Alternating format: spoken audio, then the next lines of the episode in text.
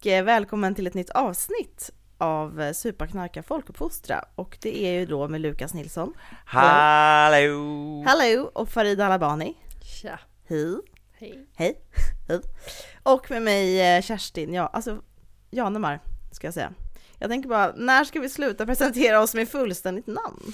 Är Alla det helt vet sjukt? väl vilka vi är? Jag trodde du menade att du hade glömt bort ditt efternamn. Janemyr. Janeby, Jane... Ja, Janebrink. Ja, ja. Eh, för det här är sjukt på något sätt, tycker jag. Är vi så anonyma? Jag träffar väldigt mycket folk i mitt uppdrag Mm. och jag hälsar, alltid när jag hälsar på människor så hälsar jag bara med mitt förnamn Ja. och eh, så märker jag att folk tycker det är lite konstigt. Men Aha. jag tycker det är lite konstigt att jag ska bara säga Lukas Nilsson, Lukas Nilsson, Lukas Nilsson. Det är så här, vad fan vill du veta mitt efternamn? Och oftast är det också Fråga. så här, Men vadå, hälsar och- folk med sitt efternamn? Ja, men ganska ofta liksom. Och det är också så här, wow. ofta i sammanhang där man också typ vet vem man är, man bara inte hälsat innan. Typ man har mejlat innan eller man är lite så här, Jaha, det är ja, jag. ja, officiell Man, liksom. ja, så här, första nu, möte. Hallå, Lukas Nilsson, du, du, du, du, du. Så bara, ja, Kerstin. Mm. Alltså, det blir, det blir tramsigt. Så då bara går jag för förnamnet direkt och så Men många sådana det, det liksom- blir lite som att det blir en sån- lite awkward eh, stelhet i det där typ. Ja, jag förstår. Medan jag bara vill ha intimitet och gå direkt på förnamnet. Liksom. Men tänker folk att du är dryg då? Bara, han, han tänker att vi vet vem han är och han vill inte säga sitt efternamn och alla vi säger vårt efternamn för att vi är nobodies och han är en somebody och bara går runt och säger sitt förnamn. Som Mona, Mm. som Det är ex- Magdalena. Det är exakt så det är. Mm. Men det är ju för att jag är dryg. Mm. Så att det är Ja. en korrekt analys. Men hörni, vi är ju nu faktiskt i mellan Hägg och Syren. Eller efter Syren. Och efter Hägg. Jag fattar aldrig det där. Eh, men det är i alla fall skolavslutningstider, eller hur? Mysigt. Och det är också det vi kommer lite snacka om idag, men jag tänkte ändå börja för att ännu mer lära känna- er liksom som eh, på djupet så att säga. För det är ändå det det handlar om det här. Och då vill man ju veta, vad gjorde ni på er student? Alltså vilken typ av student var ni? Hur tog ni an i den skolavslutningen? Mm. Lukas, var du dryg eller? Och jag är ständigt dryg. Ja, Men, men eh, studenten är ju liksom, menar du dagen? Ja, eller menar dagen. du Eller vadå? liksom konceptet? Eller menar du, alltså student är ju också liksom någonting som Är det ett sker över koncept en för längre dig? tidsperiod, tänker jag. ah, okej. Ja, det var ändå unikt. Men eh, då menar jag nog ändå konceptet dagen student. Dagen. Dagen utspringet liksom. Ja, utspringet kanske kallas det. Ja, nej men jag hade en ganska klassisk eh, studentfirande. Mm. Men ehm, eh, så här med utspring och flak och allt sånt där. Och, eh, men jag var väl lite, alltså jag har väl alltid varit eh, dels lite anti-auktoritär och lite anti-traditionell och liksom alla sådana saker. Mm. Och lite så anti-pretentiös, så det behöver inte vara så jävla liksom så. Så att Mm. Så att jag, jag vägrade, eh, normalt sett så ska man ju ha någon sån här typ eh, häftig bil som man ska köra hem i. Eller så är det i alla fall i. Skåne. Ja, det är inga Ja. lastbilar eller? Nej men alltså man har sitt flak och Ja. sen så liksom är man på det och sen så efter flaket så, så, så blir man upphämtad av typ någon eh, eh, Ferrari eller någon veteranbil eller Aha, något sånt. wow. Den Cab, kör liksom. hem en då liksom. Oj. Det kanske är Ja. någon skånsk grej, jag vet inte. Ehm, eller så är det en landsbygdsgrej kanske. Ehm, men, men jag vägrade det för att jag tyckte liksom, nej men det där blir bara töntigt, jag tar tåget hem liksom. Ehm, och sen, Ensam då eller? Ja, eller Ja. nej jag hade nog min bästa kompis med mig som Mm. eh, liksom mötte upp mig och så åkte vi tåget hem. Och sen eh, så hade jag också gett väldigt, väldigt tydliga instruktioner till mina föräldrar att jag vill inte ha någon så här liksom superambitiös liksom student eh, reception Mottagning, eller vad så.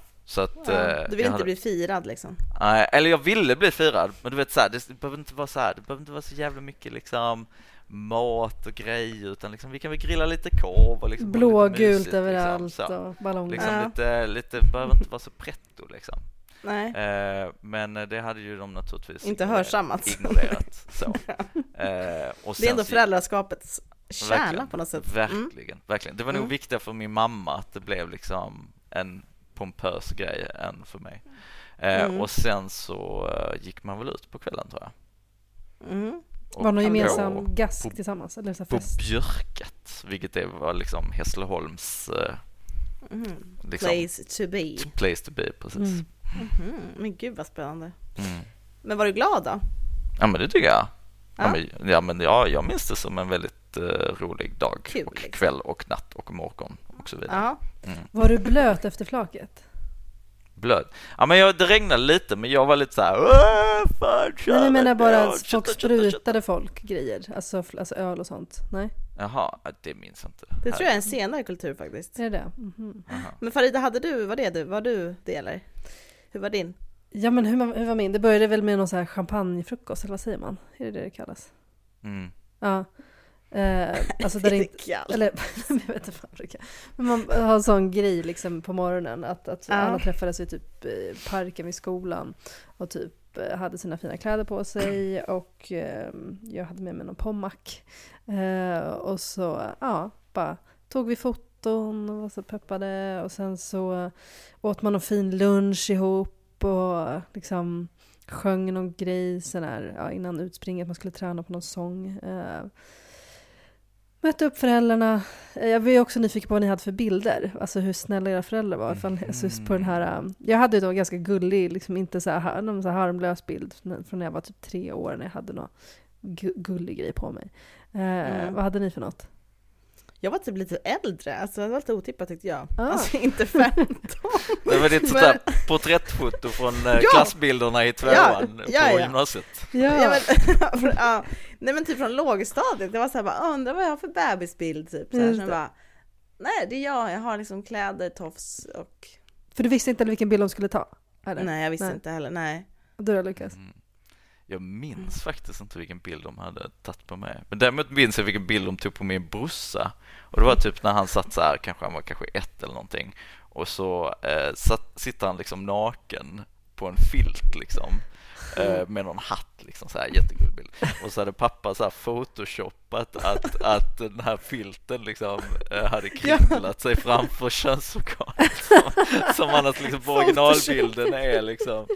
Eh, och det, det, här, det här var ju liksom när photoshop var ganska liksom Käm, ja, så, så det var När det inte liksom, fanns. så alla var så här, wow vilken himla tur att liksom filten eh, kringlar sig på det där sättet. Man bara, Just precis absolut. Ja, nej, men så Ja, då mötte okej. jag upp mina föräldrar och såg det och sen så var det då flak och då hade man så köpt, de säljer ju, alltså de säljer ju på en massa grejer som student, eh, eller som ung. Och då köpte Mm. jag någon sån här basketväst. Eh, Va? Ja men såhär Wow. basketball, som man såg som en basketball player. Eh, som var någon sån här vit eh, sån tröja. Linne Ja menar men du ett alltså? linne, inte väst. Ja. Ja, linne. Du gick engelsk skola Ja, ja. exakt. Mm. Ehm, och så var det ju superblött på flaket. Alltså, så vi ska inte ens börja börja med hur det var liksom, kring hur, vem, vilket flak man skulle vara på. Allt det här var ju väldigt så här, struligt om man skulle vara på ett flak. Och, Men det var inte en klass, ett flak? Nej, det var lite uppdelat för man ville, de coola ville hänga med de coola. Och jag, var- ja, alltså det var riktigt vidrigt alltså. Usch, det var inte trevligt alls. Och några typ som var lite töntiga, de hade en sån miniflak som knappt var ett flak som skulle kunna ramla ifrån- nerifrån den jättelätt. Eh, och som var, Men gud, åkte på den själv. hemskt. Alltså det var riktigt hemskt alltså. Inte ens på liksom studenten så kan man ha en sam- Nej. gemensam Samlas. sammanhållning. Liksom. Exakt. Och då, men då fick jag och några kompisar plats på det här coola. Och några av våra andra vänner fick inte det. Det var lite så här. Åh, vad tråkigt att Bye vi bye. fick plats. Men alltså vi har fått plats så att vi tänkte ta den Nej, ni platsen. ditchade dem? Nej! Alltså gud!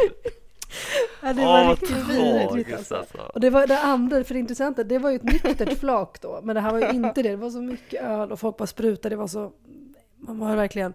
Man skulle inte ha sin fina klänning då på det, det flaket. Så det, jag hade bytt om då. Medan nå- några gick runt med så här kostym på flaket och jag tänkte, vad har du tänkt liksom? Eh, Mm. och så åkte man hem i jätte... Luktade superilla och sådär. Folk bara tittade på en. Eh, och så var det också någon mottagning och så var det också någon fest på kvällen där folk passade på att känna och hångla med varandra. Liksom. Känns det som att det var så här sista chansen att träffa den personen. Mm. Liksom. Så att, eh, mycket känslor, men det var kul. Men just den här eh, flakgrejen gjorde lite, ja det skapade lite drama. Mhm. Min, content, min content är att man ska ta studenten i Hässleholm och inte i Stockholm. Det verkar mycket trevligare. Det låter mer städat. Ja. Det var faktiskt samma sak med våran klass, att Ja. också inte var ett flak, utan var så här det var så här slitningar i min klass sista halvåret, liksom folk var Mhm. inte kompisar längre, några. Mm. Eller några stycken, så var det liksom två gäng och så bara aha, och så var det liksom Men jag åkte faktiskt inte, jag åkte inte flak. Vi hade liksom, jag var ju också, har ju en historia att vara ganska mot, eh, vad säger jag? Anti. Vals, motvals, men glad. Så vi hade liksom ett litet sambatåg av bestående av tio personer som gick från skolan till en park. Och sen satt vi där och sen så kom min brorsa var med tror jag och sen gick jag och han hem. Alltså jag gick ju ändå i skolan i stan, uppvuxen ja. i förorten. Så det blev en lång promenad hem. Så jag vill inte heller ha honom. Mm. Eller vi kanske gick till Gullmarsplan i och för sig och sen tog tunnelbanan. Men det var ändå som att så här, vi, jag kommer ihåg att vi gick över Skanstullsbron och bara, jaha, nu har jag tagit student. Men du var emot att ta, alltså, åka flak? Nej men jag, men, jag pallade inte, jag tror inte jag pallade, jag tror att jag var för, eh, trodde att jag var för cool för att mm. ha ett flak. Mm. Men sen så kom jag på att det var ju inte därför, utan det var väl för att jag inte vågade, jag var en rädd människa. Nej, men jag vet inte vad det var. Men sen hade jag liksom alla mina kompisar i alla andra klasser. Vi var liksom mm. en utbölning i varje klass. Så alla okay. de utbölningarna hade ett, egen, ett eget firande. De Även på kvällen? Som vi trodde då. Nej, men det var nog någonting gemensamt mm. faktiskt, faktiskt. Och sen hade jag liksom studentmottagning hemma i vårt höghus där mina föräldrar bor. Men det var också helt inplastat. De bor liksom på 16 våningen. Ja. Men det var liksom ett inplastat plast i ett år och det här var det året så att det var heller liksom ingen utsikt och det var väldigt varmt. Man kunde inte öppna fönstren, det var väldigt speciell stämning. Men sen var det faktiskt också, det här är ju helt off topic, men det var ju generalstrejk, alltså Kommunal hade strejk det året jag tog studenten. Okay. Så jag hade inte gått i skolan på typ en månad. Så det var heller ingenting, folk skrev nationella proven i parker, det var verkligen så här strejkbryterikänsla. Eh, så att vi fick heller ingen studentlunch, vi fick varsin sån här polarklämma mm. en festis. det? Nej vad hemskt. Men då var det några som några av de här mattanterna hade eh, gjort, eh, för jag var ju vegetarian då, så då var det ju ren, ren i den här polarklämman. Så de hade liksom begått något strejkbrott och gjort en egen sån här klämma till alla vegetarianer med, det här är en av mina hemska matupplevelser, hemskaste. För då var det alltså då polarbröd, men då var det liksom riven morot med filemjölk i. Och det är bland det äckligaste jag ätit. Men det sa jag ju såklart inte då, för jag var väldigt trevlig. Men det var min student. Vidrigt. Men det var kul också. Mm. Det var vidrigt. Men de var ändå trevligt att de försökte anstränga sig på, med, de, med de medel de hade för att det var strejk liksom. Mm. Så så var det, det var en helt annan tid i Sverige då vet ni vi ska faktiskt prata om framtiden, eller och lite nuläget. Alltså, och eh, jag tänker att ibland eh, tycker ni att den här podden saknar liksom positiva, fram, en positiv framtidstro, apropå din spaning förra veckan. Lukas, du vill ju, du kommer inte komma ihåg det mhm. själv, men du vill ju då att mm. det skulle finnas någon form av hoppklausul. Ja. Hoppskyldighet. En, hoppskyldighet. Ja. Och jag tänker ändå att vi kanske ska bringa lite sånt eh, idag. Alltså för att lyfta eh, lite statistiskt eh, positiva förändringar. Mm. Och det handlar om Centerpartiets eh, valresultat. Jag skojar, det gör inte. Det handlar alltså om att vi lever i en tid där unga dricker allt mindre. För det har ni hängt med på. Mm. Mm. Lite grann har jag haft koll på den trenden. Lite grann. Lite bara periferin sådär. Ja. Mm. Eh, och att jag tänker då kanske också även alkoholen haft en lite mindre roll även vid skolavslutningar. Det vet man ju inte exakt eftersom man aldrig kommer stå på sånt där flak igen. Men man kan ju göra en liten empirisk forskning de här dagarna mm. själv. Mm. Det är sant. Men eh, jag tänkte att vi ändå kanske ska börja i den här stora, den liksom stora frågan kring varför det har blivit så här. Och då ska man då få först en liten bakgrund till dig som lyssnar.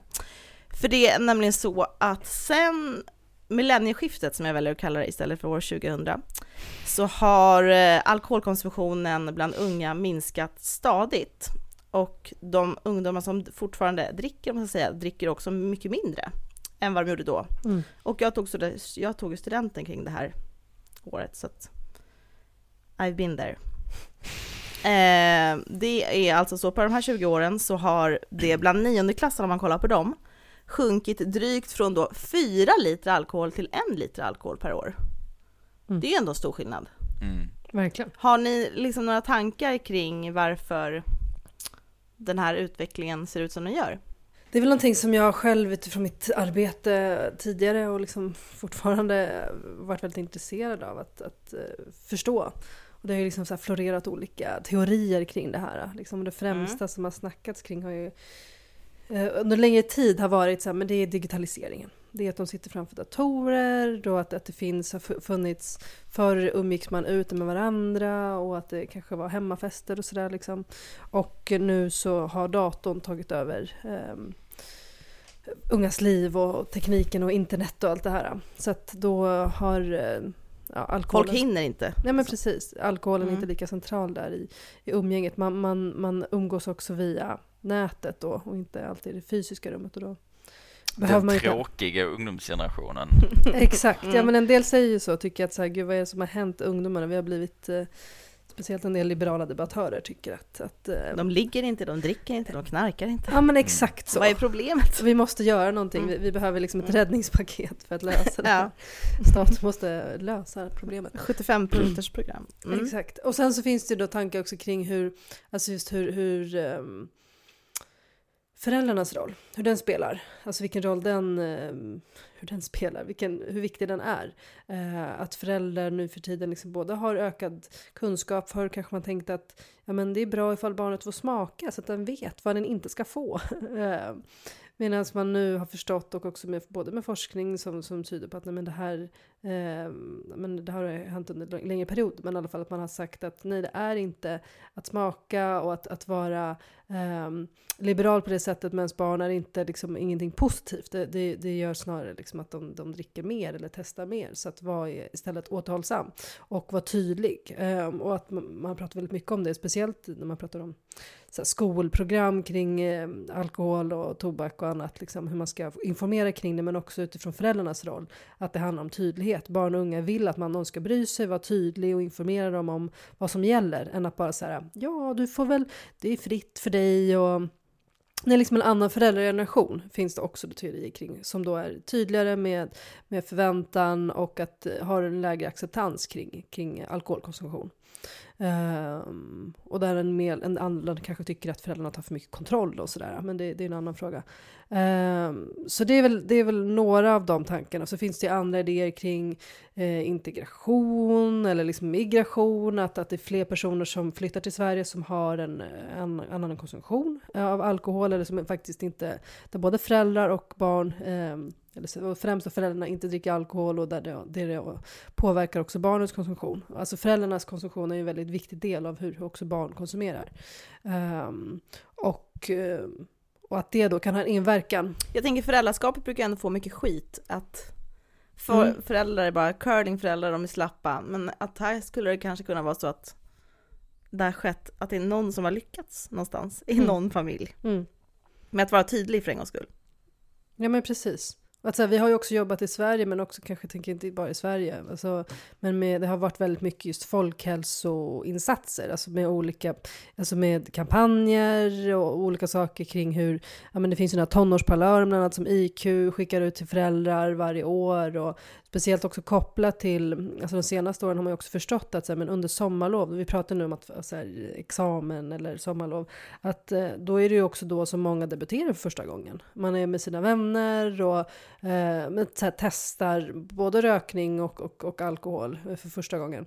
Och då är det också en del som har försökt påverka det här utifrån ett preventivt så här, eh, preventiva åtgärder. Att ja, men nu är det examensfest, hur kan vi se till att de inte försvinner dit på någon hemmafest eller så? Hur kan vi ha konkurrerande verksamhet, till exempel att man har någon torgfest med olika stora artister och så att så här, alla kids vill hänga där istället och att man har med mer, istället för att bara säga nej, ni får inte göra det här och liksom springa efter dem, att också skapa någonting annat som folk faktiskt vill gå på, erbjuda aktiviteter och sånt som också annars inte alltid har varit så så vanligt att det existerar. Så att alltså, vid, både under sommaren, det finns ju de här sommarlovsaktiviteterna som finns under, ja, till exempel i Stockholm här på kultur, eh, vad heter det, på Kungsträdgården och sådana saker, men det finns ju också då speciellt kopplat till olika tillfällen som valborg eller examen, men också sta- skolstart, att göra att kommuner har blivit bättre skulle jag säga, på att göra sådana typer av eh, aktiviteter och förstå vikten av att, att det ska finnas eh, en annan verksamhet för att också tydligt koppla det till, till förebyggande arbete.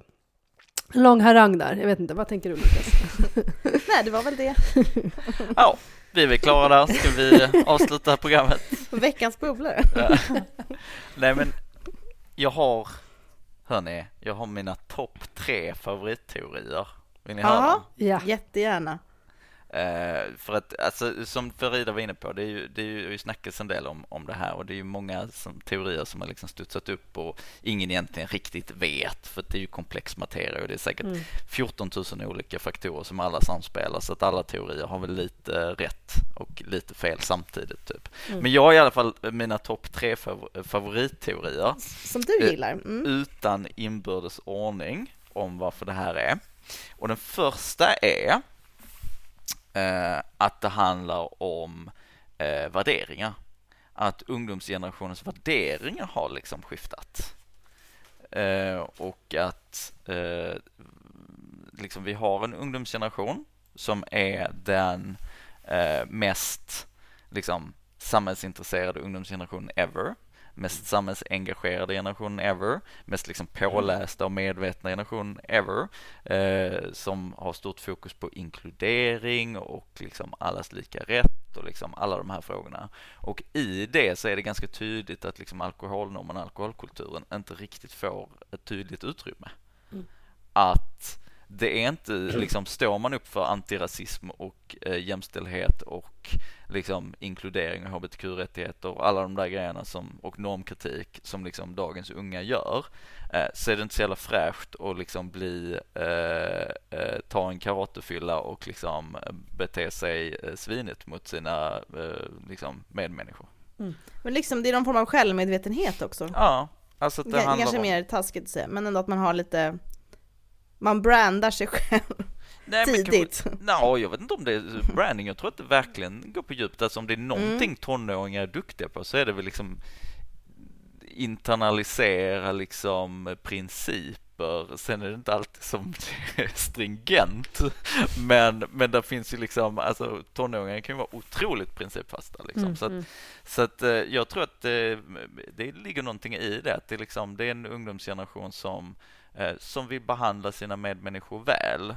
Mm. Och alkoholkulturen handlar ju egentligen om att skapa ett utrymme för att inte behandla sina medmänniskor väl ofta. Mm. Liksom med våld och trakasserier. Och, nej, men det behöver inte ens liksom vara på den nivån. Det kan också vara att liksom folk när de blir fulla blir lite drygare och lite otrevligare oftast. Liksom. Det Mm. blir mer klickigt, det blir mer liksom...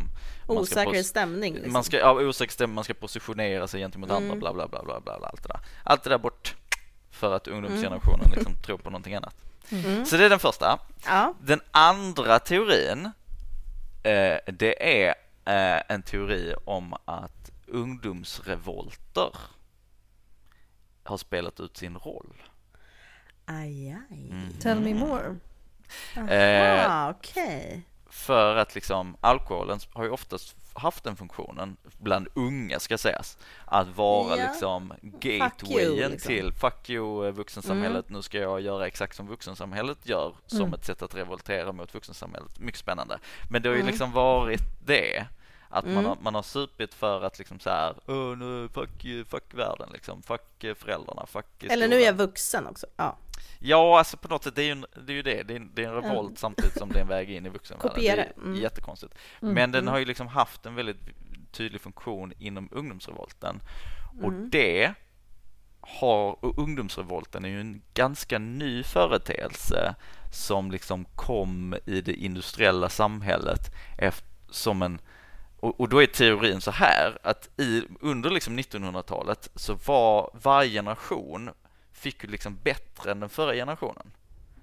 Mm. Ehm, att man liksom man fick mer välfärd, man fick högre lön, man fick liksom mer välstånd. Mm. Och då, var- då sågs liksom föräldragenerationen lite som en belastning rent materialistiskt liksom. Mm. Och då var ungdomsgenerationen ett sätt att liksom fjärma sig från föräldragenerationen för att bygga sin egen generation för att den egna, den liksom nya generationen var liksom bättre, starkare, rikare än den Just det. Mm. Mm. Skapa nytt liksom. Precis, men nu Mm. när vi på något sätt har nått eh, liksom, eh, den evigt höga tillväxtens ände, eh, liksom välståndets liksom, stagnation eller vad man ska kalla det, så är det inte längre så. Och unga behöver liksom, det finns liksom inget materiellt värde i att revoltera mot sina föräldrar, sin föräldrageneration för att eh, den generationen som kommer efter kanske snarare tvärtom Kommer kommer ha det liksom. tuffare. Mm.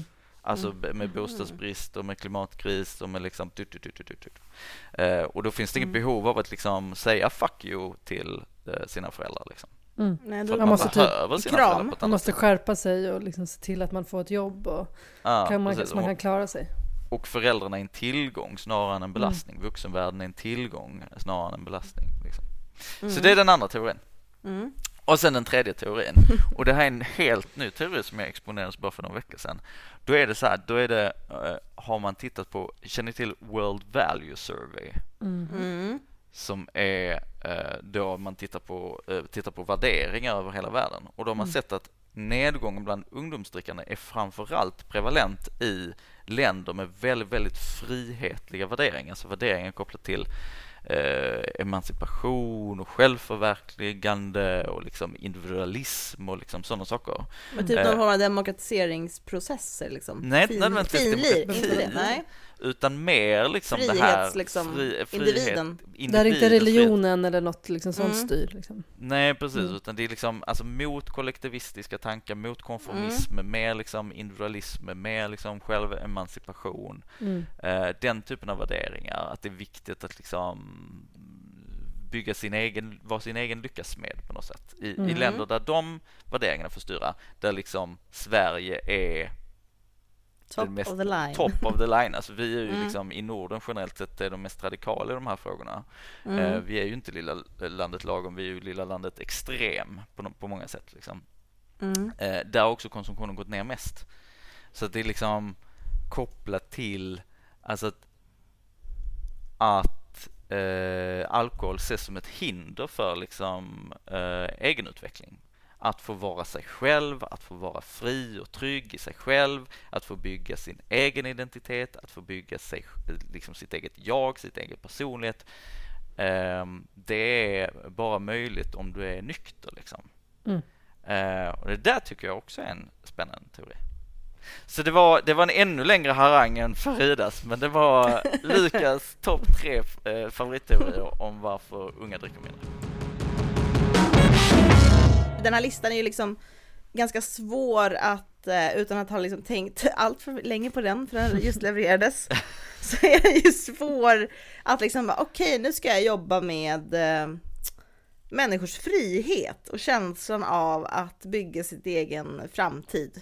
Alltså det är svårt att liksom så här bara, här har du min projektansökan. Mm. Alltså det, det är lite svårformulerat, det kanske, alltså det är lättare med liksom politik eller liksom budget eller skarpa, alltså förstår ni så här klassiska Förstår ni? För det handlar inte heller bara Klassiska information. instrument för att påverka en massa liksom. Mm. Men jag tänker, Nej. nu skulle vi ju känna hopp här Kerstin. Ja, Inte nej, men jag menar, jag menar, det här öppnar ju upp för en helt ny liksom det öppnar ju upp, kanske inte helt ny, men det kanske öppnar upp för många nya sfärer där man kan liksom arbeta på ett sätt Mm. som påverkar liksom en hel, en hel, eh, ja men liksom folkhälso, egentligen folkhälsobas på något sätt.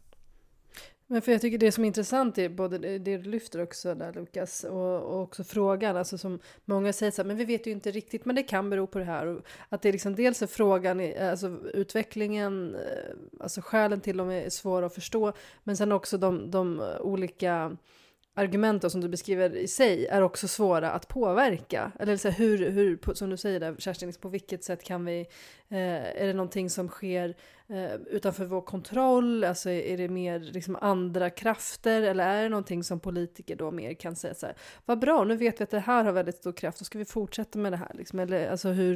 Eh, Nu ska vi få ungdomar att inte gå, begå revo- revolution mot sina, sina föräldrar. Ja, för mig, för det som skulle kunna, alltså motfrågan i det skulle kunna vara att så här, men för det kan ju på ett, sätt låta lite eh, negativt, att, men, att det är oroligt i världen eller att man, alltså bostadsbrist och man inte får liksom jobb på lika lätt som man fick för 50 år sedan. Eh, och därför så måste liksom de unga skärpa till sig och inte dricka. Alltså om vi nu skulle jobba för ökade bostäder och liksom fler jobb, betyder det då att, att alkoholen Klimatet. kommer gå upp då? Eller liksom vad...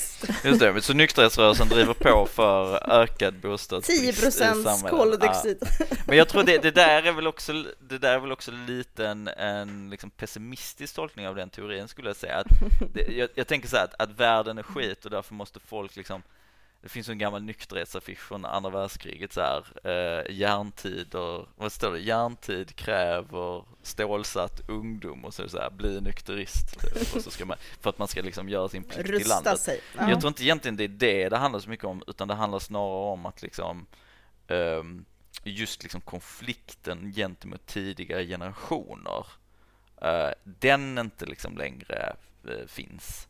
Eh, Mm. Och det där är ju, och det där kommer ju också in på det som Farida pratade om innan, om liksom föräldrars relation till sina barn. Att jag tror att jag tror att vi generellt sett har en mycket mer harmonisk liksom eh, barn-föräldrageneration än, än eh, vad vi hade när vi växte upp eller kanske ännu tydligare när våra föräldrar växte upp. Mm, verkligen. Eh, Alltså det är mycket mindre konfliktorienterad liksom relation än, än, än vad, eh, vad det är idag.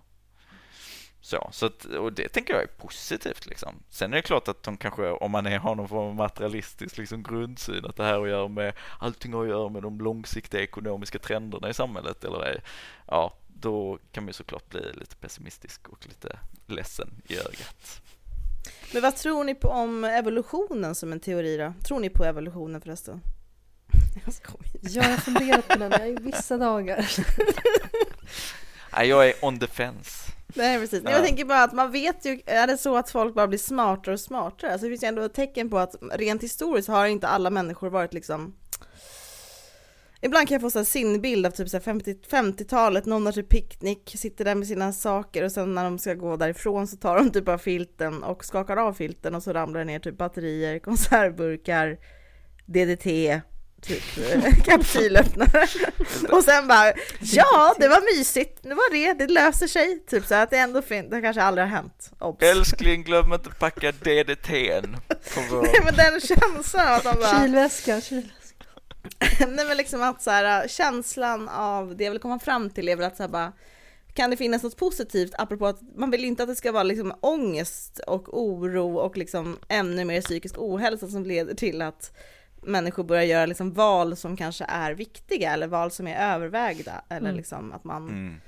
Eh, men det finns ju en poäng att så här se att liksom ens plats både vad det gäller mot så här, individer och samhälle och andra länder och miljö och bla bla bla i stort liksom inte är ett smörgåsbord som på 50-talet, liksom, det är inte bara att ta, plocka, bete sig, utan bara allt, allt kommer liksom inte att lösa sig utan är man en del av någonting, är man en del av ett samhälle, är man en del av ett sammanhang, andra relationer eller ser sin egen roll i liksom ett större sammanhang så vill man också liksom kanske leva upp till det på något sätt. Mm.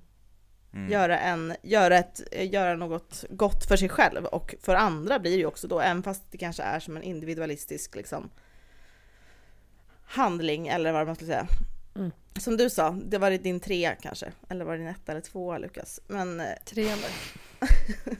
Det var ju utan, utan inbördes ordning ändå. nej. Ja. det var jag besviken på. Nej men jag bara tänker att det kanske finns en, en evolutionsdel i det här som kopplar också till liksom såklart samtiden. Just det. utan att veta mer att man blir, man kanske inte blir smartare, men mycket talar ju för att liksom på lång sikt har evolutionen ändå gjort någonting gott med många arter på jorden. Men det finns väl också något som heter epigenetik. Att, så här, att vi under, att våra gener också på, alltså förändras med, alltså medan vi lever och att vi kanske laddar på lite nya kunskaper och sådär. Mhm. Ehm, det är mer kanske kopplat till också andra... Berätta mer. Nej men man pratar om att så här, men om jag skulle börja spela jättemycket fiol och så, då kanske det liksom efter, alltså det kan även, jag kanske inte har fått det från, från min eh, släkt eller mina gener att, att jag ska vara bra på det, men att det också kan eh, på något sätt eh, Skapa. skapas och sen i framtida generationer kan det påverka och sådär. Alltså jag, bara, jag, vi har inte gått in samtidigt på så industrins roll eller vad som har hänt under den här tiden. Alltså rent, ehm, alltså vilken påverkan det kan ha haft vill jag liksom bara slänga upp den bollen. Vi måste ju alltid lyfta upp industrin tycker jag på något sätt. Men att så här, det har ju, för på ett sätt skulle man kunna tro, alltså, om vi pratar om Sverige i alla fall, att eh, alkoholreklam och sånt, att det skulle påverka, att, alltså att det när vi gick, in med, gick med i EU så fick vi ju mer reklam. Eh, från att liksom ha haft det mer restriktivt. Men jag tänker också så här, vad kan den ha haft för vet inte om du har hört något teori kring det eller inte där Lukas kring alkoholreklamens påverkan eller inte. Jag är till exempel rädd att, att det här är någonting som inte kanske kommer hålla i sig lika länge eller så. Jag tänker just med sociala mediers påverkan under en längre period. Kommer, kommer vi se att det går upp eller blir det bara, um, har, har det bara, har folk tröttnat ändå oavsett vad Uh, mm. Amanda Schulman har för nytt vin eller Pernilla Wahlgren så känner folk, eller han uh, Snabba Cash-killen, att, att folk ändå inte är intresserade av det där. Det känns lite trött och lite sorgligt och bara åh, oh, vad är det där? På tal om mm. min spaning förra veckan, den här uh, Yo Dude, eller vad den hette, Yo Bro. A-bro. A-bro, just det. A-bro. Nej men jag, så här, eh, om vi ska då gå in och vara lite pessimistiska så dels har ju den här trenden av att ungas drickande minskat, den har ju stagnerat de senaste fem åren. Mm. Så det går ju inte längre ner och eh, nu vet jag inte de senaste, ja det, ligger, det har liksom flackat ut och kanske till och med ökat lite om jag inte minns fel. Nej, sen så kom ju pandemin. Men ehm, eh, så, så trenden är ju liksom flackat ut och eh, industrin har ju såklart också en, en roll att spela och jag tror att det som framförallt hänt parallellt med att ungas drickande och konsumtionen i allmänhet gått ner är ju att vi har fått ett mycket mer komplext samtal om eh, alkohol i samhället för att folk har blivit så jäkla mycket mer jag vet inte om jag nyanserade egentligen är rätt ord för att eh, jag tycker att man nästan blivit mindre nyanserade för att man eh, men vattnet har blivit mycket mer muddrat liksom. Mm, mm. Att det blivit mycket så här typ ja, ja, men eh, missbruk är dåligt men, men att eh, ta ett glas vin är det väl ingenting fel och så liksom mm. drar man inte parallellerna mellan liksom samhällsutvecklingen och en, ens egen konsumtion och bla bla bla allt det där va? utan det ska allting ska liksom hela tiden vara så här vi och dem eller mm. eh, man ska dricka men man ska dricka med måtta typ och det har man ju också sett i alkoholattitudsundersökning att folk har ju blivit mer kritiska till liksom berusningsdrickande men mer mm. positiva till liksom vardagsdrickande. Mm. Mm. Eh, och den typen av trender. Och där tänker jag att alkoholreklamen har liksom spelat sin roll, att alkoholreklamen har gått in som är mycket mer framträdande och verkligen liksom pushat agendan för eh, alkoholens liksom självklara plats i våra liv mm. som liksom oh, unna dig och bla bla bla mm. eh, samtidigt som liksom den generella trenden har varit att bli mer kritisk mot berusningsdrickande. På mm, mm. Det känns också som att det liksom eh, reklam och alkoholreklam, mycket, målgruppen är ju liksom medelåldern på något sätt. Att mm. hålla folk på tåget. Liksom. Mm. Det handlar kanske inte om att så här, göra en, en liksom bubbelgum eh, Pernilla Wahlgren liksom sort, utan det kanske Nej. är så här, bara, ah, jag och mina 45 plus kompisar här vad mysigt liksom, jo, att det mina... finns en form av mys 45 plus kompisar 45 plus A-bros Ja precis, ja men de är där uppe A-brosen är faktiskt 45 plus Nej men jag tänker bara det är väl det är också en sån här del att så här, marknadsföringen är kanske hårdare mot dem, alltså det här är en lös teori mot dem som mm. har liksom mycket pengar och de mm. som kanske redan är konsumenter kan konsumera lite mer eller välja just det där liksom. Men det är än väl... att ja. Jag tänker så här klassisk typ eh, om man tänker tobaksindustrin. Förr i tiden var väl också så här skaffa nya, nya rökare som är unga. Så gör man liksom mentolsig för att det är godare och man mm. gör klicksig för att det är cool, lite roligt. Mm. Det är liksom väldigt få 60-åringar som roar sig med att liksom klicka på ett filter. Men alltså man kan ju förstå att det känns ju roligare för mig bara, till och med. Mm. Som är så ung. Nej men Förstår ni känslan det, att liksom, det, det, är en annan typ av riktning i målgruppen? Men det är en spännande, det är en spännande spaning för det är också i den gruppen som du nämner som missbruket har gått upp de senaste mm. åren bara. Exakt. Tittar man på undersökningar så är det ju där beroendeproblematiken växer. Alltså mm. unga är faktiskt överrepresenterade i beroendeproblematiken eh, i förhållande till sin storlek i befolkningen så att säga. Men eh, trenden där är på väg ner medan trenden i liksom medelålder är på väg upp. Mm. Ehm, och det kanske ligger någonting, eller bakom förklaringen kanske ligger någonting i det du pratar om Kerstin. Jag tänkte börja prata om det här, de här liksom också senaste artiklar om, jag vet inte om vi nämnde det förra veckan, men det här om eh, eh drickande, alltså mammors drickande och liksom att det, alltså det, det är ju mycket mycket reklam, både kanske alltså, gammelmedia. Self-care. Liksom. Ja, men både ja. gammelmedia som riktar sig till, till den här gruppen, men också som du säger har kapital, men också sociala medier och liksom influencers och så som också riktar sig till det. För att det också dessutom är lagligt på ett annat, man ser det som mer okej okay att göra det. Det är väl också det som kanske skiljer från andra, att uh, man också uh, men folk får ju väldigt mycket skit ifall de då eller kan få det, ifall de marknadsför sig mot unga när det kommer till alkohol. Eller man får ju också, det är på gott och ont tänker jag också med influencers och hela den delen där som många unga eh, konsumerar eller en del av. För att där får man ju också en bredd av olika personer, alltså där man både får förebilder som man inte haft innan som berättar att så här, jag dricker inte för att lalala, liksom. Och också väldigt medvetna om att de får, kan få inlägg och så. Det har jag hört flera gånger. Att, men gud, hallå, du, vad, vad mycket du festar. Ska inte du tänka på de unga som följer dig? Och att så folk blir mer medvetna kring hur de påverkar andra. Och kanske ibland nämner det eller inte. Eller att deras drickan i alla fall eh, är någonting som är ett ämne. Liksom. Ja, men det är ett liksom. ämne. Bara, mm. nu ska jag skärpa mig. Jag såg sist hur det där såg ut. Eller så. Att man, är, man ändå tänker på det. Vilket också gör att frågan blir uppmärksammad. Och att, att men de här vita veckorna eller att folk inte dricker alls, att man får se de personerna. Liksom. Så jag tror att, att ja, men de, de som mer rör sig kring yngre målgrupper kanske är lite mer försiktiga kring det. Men det, sen finns det ju också produkter som är väldigt tydligare och mer riktade till, till unga och där det är mycket mer också drinkblandningsprodukter och sådana saker som är mer eh, ja, där de också gör reklam för, för liksom, ja, men det sägs vara 18 plus, men ni förstår vad jag menar. Där det inte är lika mycket vin eller sånt. Eh, utan andra typer Just av saker. det, typ alkoholläsk 2.0. Drinken. Mm, hemmadrinken. Ja, men lite så. Exakt. Men vad tänker ni om bubblaren, alltså en bubblare till din eh, lista? Eh, Lukas? Ska vi komma kunna... på en nu? Eller? Nej, men, en egen, men, jag tänker att det här som eh, intresserar oss så ofta.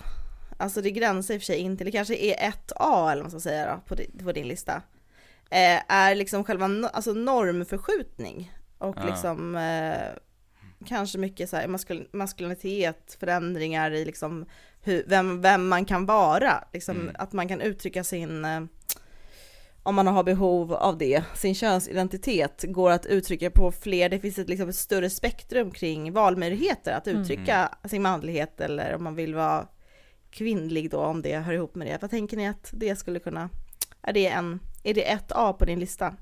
Nej men lite grann är det väl det. Eh, och kanske till och med tre A samtidigt också. Jag tror mm. att de går ihop i varandra lite grann.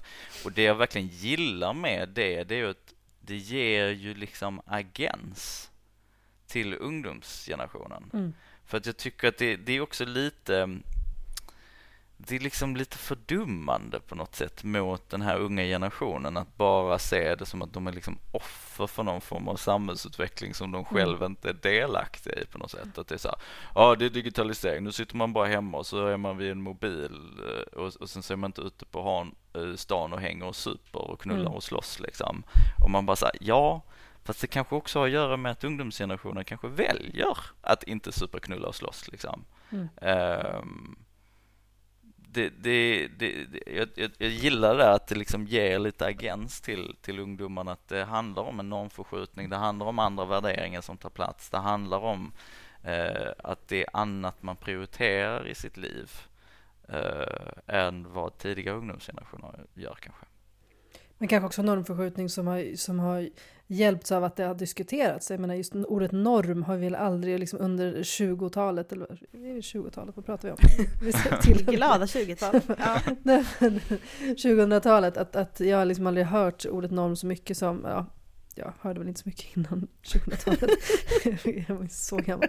Men eh, ni förstår vad jag menar, att det är liksom, vi pratar om normer hit och dit hela tiden. Alltså det går liksom inte att komma ifrån ja. det. Och jag tänker att, att det måste ju de också ha, alltså även fast de kanske har ökad agens och sen gör sina egna val, att det är någonting som eh, vi får tacka också tidigare generationer för att ha jobbat med och försöka eh, jobba mot allt ifrån köns, destruktiva könsnormer till, till andra andra också alkoholnormer för den delen där, där nykterhetsrörelsen har varit en del av det. Jag tror att det jag har att tacka det för att de andra också idag kan känna sig mer fria till att säga nej.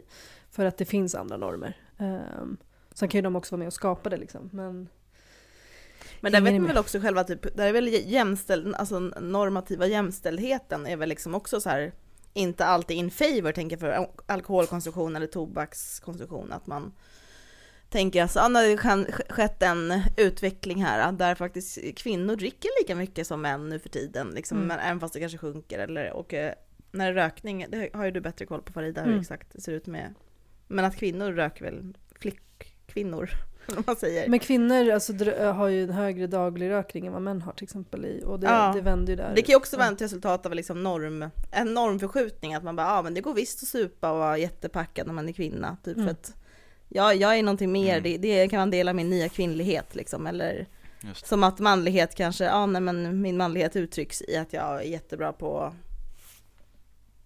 ett dataspel som jag inte kan nämna, nej men förstår ni? Men det visar också Det siffrorna. är coolt liksom. Ja, men Ja. även där att, att det är fler, fler tjejer då som idag eh, dricker liksom alkohol men att fortfarande att män, eh, att, att pojkarna dricker i högre utsträckning, liksom mer i, i volym. Men att det, och det, den utvecklingen är ju inte så, alltså jag vet inte. Eh, man vill ju inte att en grupp som tidigare inte druckit lika mycket ska dricka mer för jämställdhetens namn. Eh, Nej, och det är ju också tydligt att tittar man på unga män så går ju missbrukssiffrorna ner. Woo! Liksom, alltså de flyger ner som Mm. ett störtlopp liksom, vilket Mm. är fantastiskt är. De är fortfarande alldeles för höga men de är ju Ja. liksom mycket lägre än vad de var. Eh, och det går i ganska rasande fart men eh, tyvärr är ju tendensen på andra hållet hos unga kvinnor. Man vill ju att faktiskt. bo- jobbar ner båda samtidigt. Ja, liksom. precis. Men vad tänker ni också, jag tänker där är ju liksom en lite skärlinje ändå i statistiken mellan pojkar och flickor, att det skiljer sig åt på olika sätt. Men det skiljer sig också, som du var inne på Farida förut, också om liksom unga födda utomlands och födda i Sverige. Mm. Att det är liksom någonting som också kanske påverkar en större samhällstrend som inte är med på listan, men ändå som är mer som en del. Ja, det är en teori. Den har ändå Ja, den har visat sig, liksom, det är inte liksom den stora förklaringen när man har gjort olika studier kring det, att det är just det som påverkar att det är fler personer från, som kommer från eh, muslimskt talande länder, på att säga, men alltså Ja. mer där många muslimer kanske inte dricker alkohol eller liksom har andra. Eh, som sagt, som jag har sagt i tidigare avsnitt, så alkoholnormerna är ju inte rådande över hela världen. att, att, eh, och nu också till exempel i Sverige, bland unga så är det ju, majoriteten dricker då inte. Eh, bra att liksom komma ihåg. Ehm, men att man då ser att men ju längre tid då, alltså den första och andra generationens ungdom, de, de dricker ju, eller andra generationen dricker ju mer än den första, men man, det är fortfarande väldigt påverkande för föräldrarna igen då, vilken konsumtion de har. Och man märker att speciellt bland unga killar så, så konsumerar man då ehm, i högre grad alkohol än vad unga tjejer gör, eh, som då tidigare liksom kommer eller som har en bakgrund av att man inte då eh, i hemmet eller i, den, i sitt mm, liksom, hemland eller så eh, har druckit Mm. alkohol tidigare. Så det kan ju absolut ha, det, jag vet i alla fall utifrån eh, för mig och liksom de um, som jag har umgåtts med så har det ju liksom skapat ett Eh, eftersom att jag själv kommer från ett hem där det inte druckits alkohol och många av mina vänner omkring mig. Så det var det liksom ingen fråga. Vi, vi behövde, ingen, ingen behövde bevisa Positionera någonting, sig, liksom. positionera sig. Och de som, hem, som hade, eh, som drack eh, alkohol eller som hade det i sina hem, de drack inte lika mycket i vårt umgänge. För att det inte behövdes. Eller det fanns ju ingen press från oss andra att man behövde Mhm. göra det. Vi festade eller liksom umgicks på andra sätt. Men jag läste också i Accent där en artikel kring att också det ändå förändrades. De hade gjort en undersökning, eller rapporterat en undersökning som har Mm. gjort att unga födda utomlands efter fem år ändå Mm. drack mer än vad de gjorde när de anlände. Så att det ändå men precis, tyder det på... går ju upp. Precis. Ja, men ändå att liksom föräldrarnas inställning kanske är typ konstant, men ändå att det liksom är kamrat... Exakt. Vad säger man? Som de sa på, vad heter det, internatet? Kamratfostran. Exakt, kamratuppfostran. Liksom. Det är kanske det som är, det är där man ska, det är det som är gamet. Det är Mm. där man ska jobba. Nej, men jag tycker faktiskt att det är en väldigt viktig fråga, speciellt faktiskt för nykterhetsrörelsen att, att jobba med. Att så här, äh, hur ser vi till att människor som kanske har, äh, liksom, äh, som idag inte dricker alkohol, att, att man kan behålla nykterheten. Och som kanske, att det är liksom en, en low hanging fruit. Ehm, men också att ehm, alltså förstärka också skälen till varför, så att det inte bara är kulturellt knutet eller religiöst knutet, utan att det ska finnas fler anledningar till varför man inte ska dricka alkohol. Som, som andra kanske Eh, har som argument för att man liksom vill vara sig själv eller vill inte påverkas av andra. Eller, ja. För att det kan ju finnas då grupptrycket av att men vänta, jag vill inte bli sedd, som, som vi nämnde tidigare med, med det här till exempel avsnittet med Joar Bendjelloul. Att man vill ju inte bli sedd som en, en outcast eller att man, ja men, oh, är du liksom muslim, men det är därför du inte dricker eller så. Man vill, man vill också tillhöra eller inte bli, bli utsatt för rasism för att folk tycker att man är annorlunda. Utan då liksom, bara okej okay, de verkar göra så här i den här gruppen, då är det bra för mig att hänga med så att inte jag blir utesluten på och inbjuden till festerna eller där, där, där folk är. Man vill ju vara med liksom. Man vill ju vara med. Bubbel, bubbel, bubbel, bubbel, bubbel. Bollibumpla, bollibubbla. Bollibubbla, bollibubbla. Nej men ska vi eh, börja bubbla? Ska jag börja? Ja. Då eh, vill jag bubbla om eh, eh, mod, civilkurage. Oj, men det, är så, det är sån tyngd i dina ämnen. Ja, men jag, ja, men det, det, det, här det blir väldigt tungt nu för nu handlar det verkligen om liv och död liksom. Jag var, eh, jag var i, eh, förra veckan var jag på, eh, eller i, eller på, eller vad det blir, Nordirland, i Nordirland, Jaha. på Irland. Mm -hmm. Ja, precis. Eh, och det var väldigt spännande. Dublin, eller? Eh, Dublin? nej, Dublin är ju Irland. Jag Nej, var men i menar, Dublin förlåt, också, eh, men jag var i Bagdad Belfast. tänkte jag säga. Bagdad, Belfast. Irlands Bagdad, Belfast eh, var jag i. Och eh, det eh, var en mycket spännande upplevelse. Alltså jag är ju född 1990. Eh, Mm. avt- fredsavtalet var ju 1998. Min liksom bild av konflikten på Nordirland är ju liksom eh, cranberries. Och- Zombie! Sa ja, precis. Det, och typ eh, någon film som man har sett någon gång och Mm. sådär. Alltså jag, jag har inte riktigt fattat liksom vidden av konflikten innan eh, jag var där nu och framförallt har jag inte riktigt fattat vidden av liksom den liksom eh, alltså unionistiska protestantiska sidan. Alltså man fattar att det var så här, ja, IRA fanns och de krigade mot statsmakten liksom. Men det fanns ju också paramilitära grupper på den andra sidan som liksom också höll på och eh, sköt och sprängde och hade sig. Och jag har liksom inte fattat vidden av den konflikten och hur djupt den egentligen gick. Mm. Och det, det är egentligen inte det jag ska prata om, utan det det jag ska bubbla om är Mm. Um, för då var jag där och så fick jag, jag var där i en studieresa och så fick vi liksom besöka olika liksom, uh, initiativ uh, som handlar om reconciliation då, liksom att, att bygga ihop samhället igen efter, efter den här väldigt tuffa tiden. Liksom. Uh, och många av de här paramilitära grupperna agerar ju fortfarande, men de agerar ju nästan som liksom kriminella gäng nu och liksom sätter press och försöker liksom underminera fredsprocessen på olika sätt.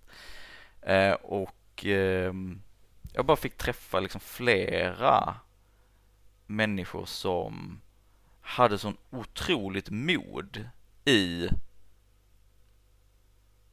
att inte idka våld och att inte idka konflikt.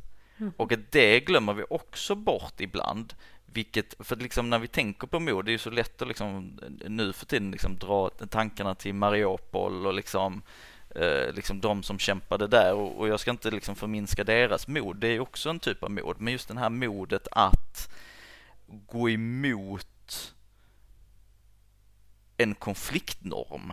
Mm. Att i ett liksom väldigt IRA-vänligt samhälle gå ut och säga nu måste vi jobba för att polisen ska bli vår vän, inte vår fiende och liksom sträcka ut en hand till polisen och att liksom också som polis då som har liksom patrullerat de här områdena i 30 år och fått liksom bomber kastade på sig, liksom motta den handen och liksom försöka jobba för att bygga liksom försoning och eh, gemenskap.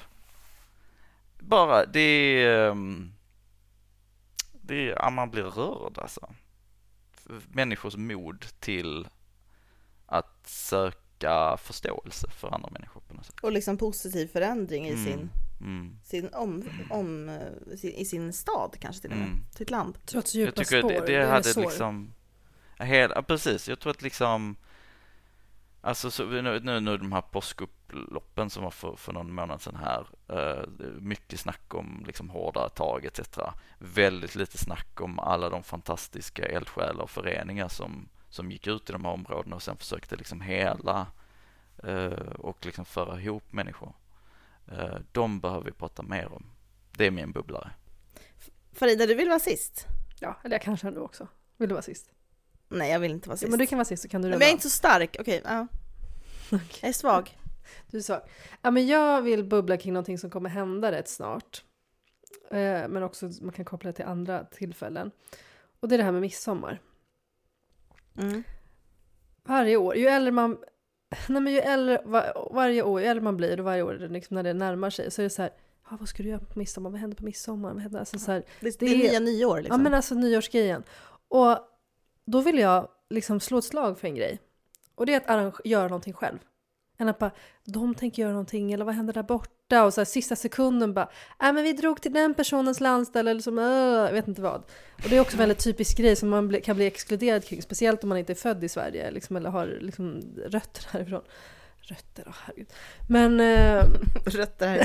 Exakt. Nej men jag tycker att det är en sån stressgrej bara. Oh, men gud, vem ska man hänga med? Och eh, att så också människor som jag egentligen typ i grunden är de som jag umgås mest med är de jag typ inte hänger med den dagen. För man hänger med någon främling. Man bara, är jag här och minglar med någon person som jag inte pallar vara med? Alltså som jag inte ens är intresserad av och där liksom många är fulla eller vad, jag vet inte vad. Bara, varför väljer jag att göra det på den här lediga dagen? Den kanske inte är så ledig. Eller är- man ledig på midsommar? Ja, alla i fall. regel va? I regel Mm. kanske, ja. Det tycker jag, att så här, göra saker själv. Både vad gäller liksom nyår men också midsommar. Bara arrange- vänta inte in det där eh, jobbiga och man ska bestämma kring eh, pest eller kolera-fester som finns att gå på. Utan bara gör, gör någonting själv tidigt med dina vänner. Än att hamna med Per-Olof som du aldrig har träffat och som du inte vill träffa igen efter det tillfället. Ja, men jag är så taggad på att träffa Per-Olof. men du Farida, du vill inte komma till mitt landställe på midsommar? Ja men vadå, är det, är det någon plan där? För att vad nu ska jag... Nu Nej, hakar det- men nu går vi jag ska- emot min plan. Vi- ska, till, vi ska i och för sig till Per-Olofs landställe, men du kan säkert få komma med. Ja men jag, jag, jag, jag funderar på det. Ja, Ja. det är i Blekinge, du är hjärtligt välkommen. Ja men vad snällt. Mm, Tack, mm. tack, tack. Jag vet inte, vad, vad, har du någon plan på, på midsommar Kerstin? Nej, men jag har precis ställt min frågan igår, bara vad hände på midsommar? och så bara klagar bara, fan det händer ju aldrig någonting på midsommar, man får alltid styra någonting själv, brukar Ja. vi säga. Men det är inte alltid sant. Men det är kul att få vara självklar någonstans, alltså känslan av själv, att få vara självklar. Bara, ah, men då kommer ni på midsommar, den har jag liksom inte uppnått. Nej. Den hade jag ju som barn, bara, då följer du med oss. Liksom. Man får starta den grejen själv, traditionen. Ja men såhär, bara, några. då gör vi det då. Ja liksom. Att få vara självklar hos någon annan än sig själv. Mm. Nej men eh, min bubblare då, för det vill ni väl ändå höra? Yeah. Ja, Jag har ju då läst en bok. Skriver på detta. impressive. Kerstin. Ja, Läs, lyssna, får du läst. du har läst. Men det jag vill komma till är att jag tycker att serieboken, alltså som en, för att den här boken var väldigt drabbande, alltså det var väldigt så här, bland de mest drabbande böcker jag har läst. Och då är det ju liksom, har jag läst den eller har jag tittat på bilder? För det är nämligen en serie. En seriedokumentärroman typ. Eh, och jag tror liksom att fler människor med läs och skrivsvårigheter som jag, nej men det har jag inte diagnostiserat, jag ska inte bli sån. Eh, men som gillar att liksom få en djupare, liksom få, få komma in i en text och ibland så kanske inte alltid texten räcker. Man behöver liksom en bild, man behöver inte ett foto, man behöver liksom inte musik eller ljud, utan man behöver liksom en illustrerad bild. Jag tror Mm. att det liksom är, jag tror den är liksom eh, jag tycker att det, det borde göras mer. Alltså det, jag, jag vill slå ett slag för den illustrerade bilden. Jag tror att den, Mm. den är på väg, den har varit på väg bort, man har ersatt den med folk tar kort och folk tar någon form av så här infographics gratis grejer liksom. Mm. Eh, jag är själv där och petar kan jag säga.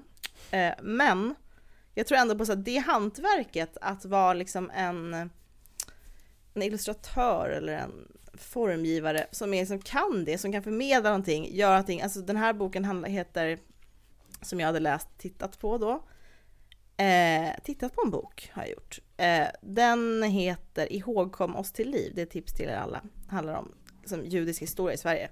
Men den var verkligen så bara, oj det här, det blev levande på ett sätt som en film är, men som en film aldrig kan bli, förstår ni? Mm. Alltså att man känner att någonting når in på riktigt och inte bara är typ en kunskapsförståelse eller eh, så egentligen vill jag bara få att fler, fler illustratörer ska få uppdrag. bara känslan av att bli så drabbad av någonting tecknat, det känns så unikt. Det här inte hände sist typ Disney-dags 91 liksom. Min kille har ju såna, två sådana böcker, en som handlar om Palesti konflikten Mm. liksom, och det som händer i Palestina och eh, det som hände i forna Jugoslavien och som så här, förklarar på ett väldigt så här, drabbande sätt. En person har varit där och liksom, intervjuat och så och sen gjort en, en, eh, En serie. en seriebok om det. Ja. Eh, som tydligen var väldigt drabbande, jag har inte läst det själv. För man går man i en bokaffär så är ju som seriehyllan är liksom 3 cm stor typ. Mm. Om man räknar bort Liv Strömquist som har en egen decimeter. Men de andra, En, en egen hylla. de har en egen, en egen hylla. Livhyllan. Livhyllan. Men den är, de är, hon gör ju också väldigt bra grejer så att det är såklart. Men mer, jag vill att det ska komma mer sånt. Det skulle vara bra för alla. Eh, men hallå, vi hörs eh, nästa gång. Efter sommaren eller? Jag vet Är det så? Är det, Jag tror är det det. sommarlov? Jag vet är inte. Vi känner efter Men då vill jag ha diplom. då vill jag ha diplom och krans. Går vi ut med en blom ser för tid du kommer? Ja, ja ja, men glad sommar då. Glad sommar. Glad sommar. Tack för den här tiden. Tack för den här tiden. Tack för allt. Hej då. Chilipling. Hej då.